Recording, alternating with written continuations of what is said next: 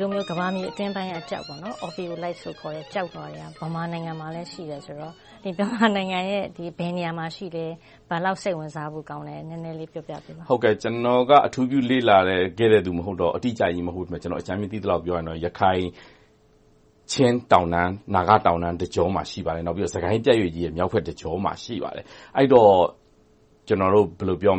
ရခိုင်-နာဂတောင်တန်းကြီးဆိုတာငလျင်အရမ်းများတယ်။ဘာဖြစ်လို့လဲဆိုတော့ အိန္ဒိယသမုဒ္ဒရာတိုက်ကြီးက အာရှတိုက်ကြီးအောက်ကို တိုးဝင်နေတဲ့အချိန်မှာ ဖြစ်လာတဲ့ နောက်ဆက်တွဲ ဖြစ်ရပ်တွေ။အဲဒီအပိုင်းရယ်၊စစ်ကိုင်းပြတ်ရွေ့ကြီးရဲ့ မြောက်ဘက်ပိုင်းမှာ ရှိနေတယ်ဆိုတော့ စစ်ကိုင်းပြတ်ရွေ့ကြီးရဲ့ လှုပ်ရှားမှုနဲ့ ဘယ်လောက်ဆက်စပ်မှု ရှိမလဲဆိုတဲ့အပိုင်းတွေဆိုတော့ သယံဇာတဆိုတာထက်ကို မြန်မာနိုင်ငံရဲ့ သ ဘာဝဘေးအန္တရာယ်အပိုင်းနဲ့ ပတ်သက်ပြီးတော့ သုတေသနတွေမှာ တော်တော်လေး စိတ်ဝင်စားစရာ အချက်အလက်တွေ သိလာနိုင်မယ်လို့ ထင်တယ်။အခုဟာက ကုန်းပေါ်က ဘူမိဗေဒအနေနဲ့ ကျောက်တွေကို Sample နမူနာယူပြီးဓါတ်ခွဲလေ့လာတဲ့အပိုင်းလောက်ပဲ ရှိတာဆိုတော့ ဒီထက်ပိုပြီးတော့ မြန်မြန်သိရအောင်ဆိုပြီးတော့ အောက်အနက်အထိ တူးကြည့်တဲ့ဟာမျိုးကို Oman ကနေတဆင့် နည်းပညာတွေကို သုံးဖို့အတွက်ကို စိတ်ကူးထားပါတယ်။အခုလိုမျိုး မြန်မာနိုင်ငံမှာက Marine Science လို့ခေါ်တဲ့ ပင်လယ်ရေအောက်နဲ့တူးတဲ့ ဟာနဲ့ ပတ်သက်ပြီးတော့ သိပ်ပြီးတော့ တွင်တွင်ကျယ်ကျယ် မလုပ်ကြသေးပါဘူး။ဆိုတော့ ဒီဘာသာရပ်ဟာ ဘယ်လောက်အရေးပါတယ်။ကိုမိုးကျော်သူကိုယ်တိုင်ပါရဂူဘွဲ့ကို ဂျပန်တက္ကသိုလ်မှာ ယူထားတယ်ဆိုတော့ ဒီဟာကို နည်းနည်းလေး ရှင်းပြပေးပါ။ဘယ်လောက်စိတ်ဝင်စားဖို့ကောင်းလဲ။ဒီဟာကို လေ့လာခြင်းအားဖြင့် ဘာတွေ မြန်မာနိုင်ငံ စောစောက ပြောသလိုဗမာနိုင်ငံရဲ့ နောက်ပိုင်း သဘာဝဘေးအန္တရာယ်အထိဒါတွေ တွက်ချက်လို့ရတယ်ဆိုတော့အဲဒါကို နည်းနည်းလေး ဆက်စပ်ပြီးတော့ ရှင်းပြပေးပါ။ကျနော်က ဂျပန်ကို သွားခဲ့တာလဲ မြန်မာပြည်မှာ Marine Geoscience, Marine Geology မရှိလို့ ပထမဦးဆုံးအနေနဲ့ ပညာသွားယူပါဆိုပြီး ဆရာတွေက ညွှန်ကြားလို့ သွားဖြစ်တာပါ။အဲဒီအတိုင်း သွားပြီး ပညာယူလိုက်တဲ့အချိန်မှာ ခက်ခက်ခဲခဲ ကြိုးစားခဲ့ရတဲ့အပိုင်းတွေ အများကြီးရှိပေမယ့် တကယ်ကို စိတ်ဝင်စားတဲ့ ပညာရပ် ဖြစ်သလိုမျိုး မြန်မာနိုင်ငံအတွက် ပင်လယ်ရဲ့ ဧရိယာအကျယ်ကြီးရှိတဲ့ မြန်မာနိုင်ငံအတွက်အရမ်းကိုအရေးကြီးတယ်ဆိုတာကို သိလာခဲ့ရပါတယ်။အဲဒါကြောင့်မို့လဲ အထူးသဖြင့် ပြောရရင် Geohazard ငလျင်တွေလှုပ်မယ်။ဆူမားတြားမှာ လှုပ်ခဲ့တဲ့ ငလျင်ကြီးရှိသလို၊အန်ဒမန်တကြောမှာလည်း စစ်ကိုင်းပြတ်ရွေ့ကြီးက ပင်လယ်ထဲဆင်းသွားတာ ငလျင်တွေ ရှိလာနိုင်တယ်ဆိုတာကိုသိနေပြီသားပါ။ငလျင်လှုပ်လာရင် ဆူနာမီဆိုတာ ရှိလာမယ်။ဘာဖြစ်လို့လဲဆိုတော့ ပင်လယ်ကမ်းရိုးတန်း။ဒီဟာတွေအတွက် ပတ်သက်ပြီးတော့ ပင်လယ်ကမ်းရိုးတန်းဆိုတာ လူနေများတဲ့ နေရာတွေဆိုတော့ အန္တရာယ်တွေ အများကြီးပါ။ပြီးတော့မှ ဆူနာမီမဟုတ်ဘဲနဲ့ကျနော်တို့ ကြုံနေရတဲ့ ရေကြီးတဲ့ကိစ္စ။ဒီရေတက်တဲ့ကိစ္စ။အထူးသဖြင့် စစ်တောင်းမြစ် ဒီရေတက်တဲ့ဟာအရမ်းကြမ်းပါတယ်။ဒီလိုကိစ္စတွေက ပြောရရင်တော့ နည်းနည်းလေး လေ့လာရုံနဲ့ လူတွေအများကြီး အသက်ကိုကယ်လို့ရမယ်ဆိုတဲ့ အပိုင်းတွေပါ။နိုင်ငံခြားအကူအညီတွေ အများကြီးလည်း မလိုပါဘူး။ပြီးတော့ ဧရာဝတီမြစ်ကြီးတခုပါ။အခု စကားဆက်စပ်သွားလို့ အခု Conference ကြီးမှာ အထူးတွေ့လိုက်ရတာကမြန်မာဆိုတဲ့ခေါင်းစဉ်လေးနဲ့ Search လုပ်ကြည့်လိုက်တဲ့အခါမှာအများကြီးတက်လာပါတယ်။ဘာတွေတက်လာလဲဆိုတော့ဧရာဝတီမြစ်ကြောတလျှောက်မှာပြည်ပကပညာရှင်တွေအများကြီးသုတေသနလုပ်ထားတယ်။ဝမ်းနည်းစရာကောင်းတာကမြန်မာသုတေသနပညာရှင်တစ်ယောက်နှစ်ယောက်ပဲပါတဲ့အပြင်ဘယ်သူမှလာပြီးမတက်နိုင်ဘူး။ပြည်ပကပညာရှင်တွေအများကြီးသုတေသနလုပ်နေတယ်ဆိုတဲ့သဘောကအရမ်းကိုစိတ်ဝင်စားဖို့ကောင်းတာတစ်ခုရယ်။နောက်တစ်ခုကကမ္ဘာပေါ်မှာဒီသုတေသနကဒီနေရာတစ်ခုပဲကျန်နေခဲ့တာ။ ကျန်တဲ့တကမ္ဘာလုံးကလုပ်လို့ပြီသွားပြီဆိုတဲ့ဟာပါပဲ။ဧရာဝတီမြစ်ကြီး၊ဧရာဝတီရဲ့မြစ်ဝကျွန်းပေါ်ဒေသ။ပြီးတော့မှဧရာဝတီမြစ်ဝကျွန်းပေါ်ကနေဆက်ပြီးပြောရင် Shelf ကမ်းရိုးတန်းတလျှောက်မှာရေတိမ်ပိုင်းမှာရေနံနဲ့သဘာဝဓါတ်ငွေ့တွေထွက်တဲ့နေရာတွေမှာဆိုရင်ဧရာဝတီ Fan လို့ခေါ်ပါတယ်။ရက်တောင်ပုံစံနဲ့သွားတဲ့နေရာကအထည်ကျကျောက်တွေအထူကြီးအများကြီးရှိနေပြီးတော့အဲဒီရဲ့ဖွဲ့စည်းပုံဘယ်လိုဖြစ်တယ်ဆိုတာတွေကအခုစပြီးလေ့လာနေတာပါ။ အဲဒါအပြင်ကို ပြောရရင် ပင်လယ်ထဲမှာဆိုတော့ Geoscience နည်းနည်းနွယ်သွားပေမယ့် သဘာဝမုန်တိုင်းတွေ ကာကွယ်ဖို့အတွက်တွေကိစ္စတွေလည်း အများကြီးလုပ်လို့ရမှာပါ။ငါးဖမ်းတယ်ဆိုတဲ့ဟာတွေကတော့ ဝင်ငွေရတဲ့ စီးပွားရေးအတွက်လည်း အရမ်းကောင်းတဲ့ကိစ္စတွေပါ။ဆိုတော့ မြန်မာနိုင်ငံမှာကဒီဘာသာရပ်က သိပ်ပြီးတော့ မထွန်းကားသေးပါဘူး။ထွန်းကားအောင် ဘာတွေလုပ်ဖို့ လိုလဲ။အခြေခံကတော့ ဘူမိဗေဒလို့ လူတိုင်းက နားလည်ထားပါတယ်။ဒါပေမဲ့ ဘူမိဗေဒ ဘာသာရပ်ကော ကိုမိုးကျော်သူ ဗမာပြည်လည်းသွားပြီးတော့ တက္ကသိုလ်တွေမှာ သွားပြီးတော့ သင်တန်းတွေပေးနေတယ်။ပို့ချနေတယ်ကြားတော့ နည်းနည်း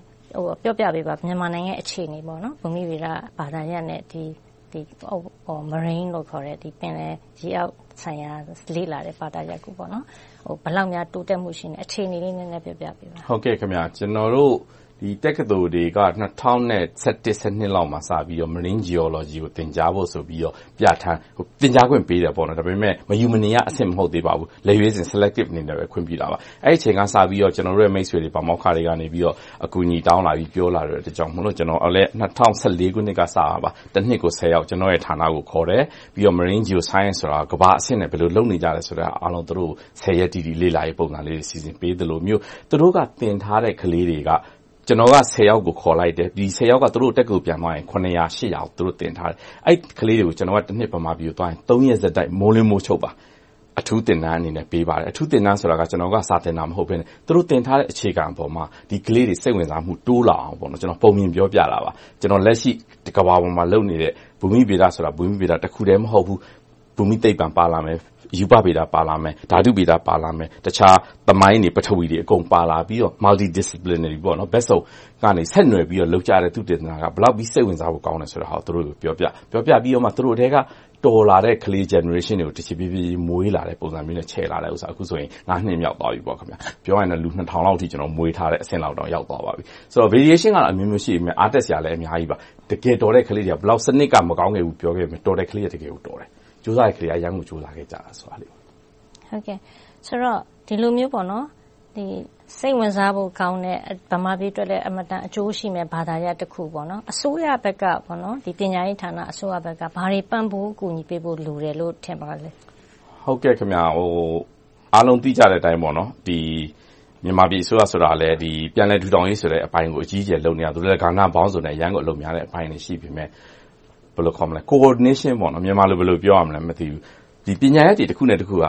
ပူးပေါင်းဆောင်ရွက်တာ ဆက်နွှယ်နေတာဆိုတော့ ပူးပေါင်းဆောင်ရွက်မှုက အရမ်းအရေးကြီးပါတယ်။အထူးသဖြင့် ကျနော်ပြောချင်တာက တက္ကသိုလ်တစ်ခုတည်းက သုတေသန လုပ်လို့မရသလို၊အစိုးရဌာနတစ်ခုတည်းက သုတေသန လုပ်လို့မရပါဘူး။အားလုံးက မျှပြီးသွားရမယ်။တကယ်သုတေသန လုပ်နိုင်မယ့် လူဆိုတာ တက္ကသိုလ်မှာ ရှိသလိုမျိုး၊သုတေသန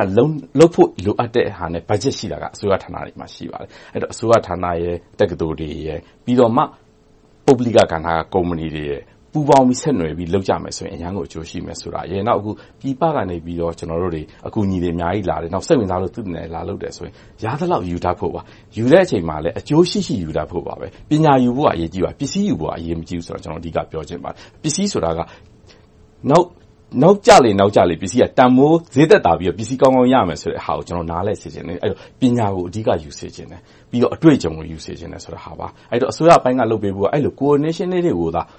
ပြည်ပကလာပြီး လုပ်ချင်တဲ့လူတွေ လွယ်လွယ်ကူကူ လုပ်နိုင်အောင်။ပြည်တွင်းကလူတွေ ပြည်ပကိုသွားပြီး ပူးပေါင်းဆောင်ရွက်မှုတွေ လုပ်နိုင်အောင် စီစဉ်ပေးနိုင်မယ်ဆိုရင်တောင်ငွေအများကြီး စိုက်ထုတ်စရာ မလိုဘူးဆိုတဲ့ဟာလေးပါ။စောစောကပြောတော့ နိုင်ငံရပ်ခြားကလူတွေ မြန်မာနိုင်ငံထဲမှာ သုတေသနတွေ လာလုပ်ကြတယ်။အချက်အလက်တွေယူတယ်။ဗမာတွေကမသိကြဘူး။ဆိုတော့ဥပမာလေးနည်းနည်းပြောပြပေးပါလား။အစိုးရအနေနဲ့ဘာတွေလုပ်ရမယ်ဆိုတာသိသွားအောင်။အဲဒါအရမ်းကိုအရေးကြီးတဲ့ကိစ္စပါ။ကျနော်အခုနပြောချင်တဲ့အထဲမှာလည်းပါပါတယ်။နိုင်ငံတိုင်းနိုင်ငံတိုင်းတိုးတက်တဲ့နိုင်ငံတိုင်းအာဆီယံထဲကအိမ်နီးချင်းနိုင်ငံတွေကိုကြည့်မယ်ဆိုရင်သုတေသနကိုအားပေးဖို့အတွက်ဆိုပြီးတော့နိုင်ငံတကာနဲ့ချိတ်ဆက်ဖို့ဆိုတာ Centralize ဒီအပိုင်းတွေမှာဗဟိုချုပ်ကိုင်မှုကအရမ်းအရေးကြီးပါတယ်။တနေရာထဲကိုအားလုံးလာမှသိနေမှအဲ ဒီလိုဗဟိုချုပ်ကိုင်ပြီးတော့ Information အားလုံးကဝင်လာပြီဆိုရင်အဲဒီကနေအားလုံးကိုပွင့်ပွင့်လင်းလင်းမြင်မြင်သာသာနဲ့ဖြန့်ပေးနိုင်မယ်ဆိုရင်မရှုပ်တော့ဘူး။ပြီးရင်အဲဒီမှာအပြိုင်အဆိုင်နဲ့တကယ့်ကိုပွင့်ပွင့်လင်းလင်းနဲ့အပြိုင်အဆိုင်ဝင်ပြီးတော့လျှောက်နိုင်ပြီးတော့တကယ်တော်တဲ့လူတွေကိုရွေးချယ်ခွင့်ပြည်ပကိုပေး၊ပြည်တွင်းကနေလုပ်ခွင့်ရမယ်ဆိုရင်နိုင်ငံအတွက်အရမ်းကိုအကျိုးရှိမယ့်ကိစ္စပါ။ဒါကငွေကုန်ကြေးကျဖြစ်မယ့်ကိစ္စလည်းမဟုတ်ဘူး။အဲဒါကြောင့်အဲဒီကိစ္စကိုအမြန်ဆုံးလုပ်ပေးစေချင်ပါတယ်။အထူးသဖြင့်ပညာရေးမှာပြောရရင်တော့ ဦးစီးဌာနတစ်ခုကနေ နိုင်ငံခြားပညာတော်သင်ကိစ္စကို Control လုပ်တယ်ဆိုတဲ့ကိစ္စက ဘယ်လိုမှ မလုပ်သင့်တော့တဲ့ ကိစ္စတစ်ခုပါ။ဦးမိုးကျော်သူ စောစောက ပြောသွားတဲ့အထဲမှာ မြန်မာနိုင်ငံရဲ့ မြစ်ဝကျွန်းပေါ် ဧရာဝတီမြစ်ဝကျွန်းပေါ်ဒေသကို လူတိုင်းက ကမ္ဘာတလွှားကစိတ်ဝင်စားကြတယ်လို့ ပြောပါတယ်။ဆိုတော့ ဒီဟာလေးနဲ့ ပတ်သက်ပြီးတော့ နည်းနည်းလေး ရှင်းပြပေးပါ။ဘာတွေလေ့လာဖို့ လိုတယ်။ဧရာဝတီမြစ်ကနေ စီးဆင်းလာတဲ့ နုန်းနယ်တွေကျတဲ့ ဒေသမှာ ဘာတွေလုပ်ဖို့လိုတယ်။နည်းနည်းရှင်းပြပေးပါ။ ဒီအစီအစဉ်နဲ့ ပတ်သက်တဲ့ဟာမျိုးကို ကျနော် ပထမဦးဆုံး မြန်မာနိုင်ငံနဲ့ သုတေသနကို စိတ်ဝင်စားအောင် ဖြစ်လာတာ ၂၀၀၄ ခုနှစ်ကပါ။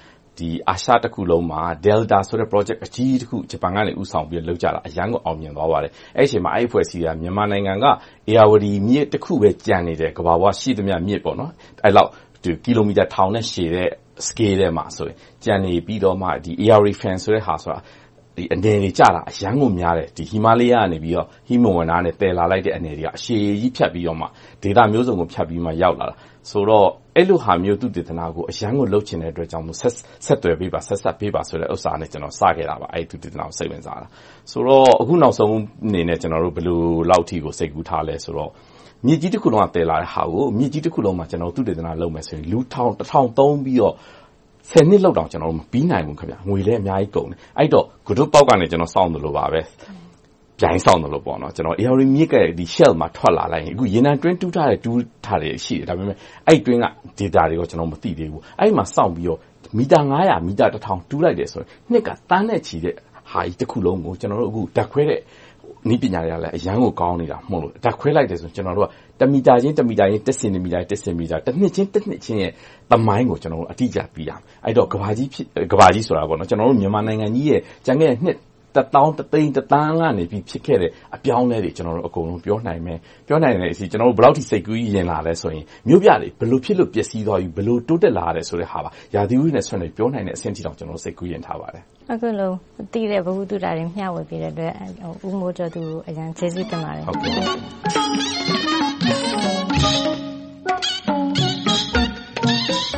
‘ဒေါ်ခင်မျိုးသက်’စီစဉ်တင်ဆက်ပေး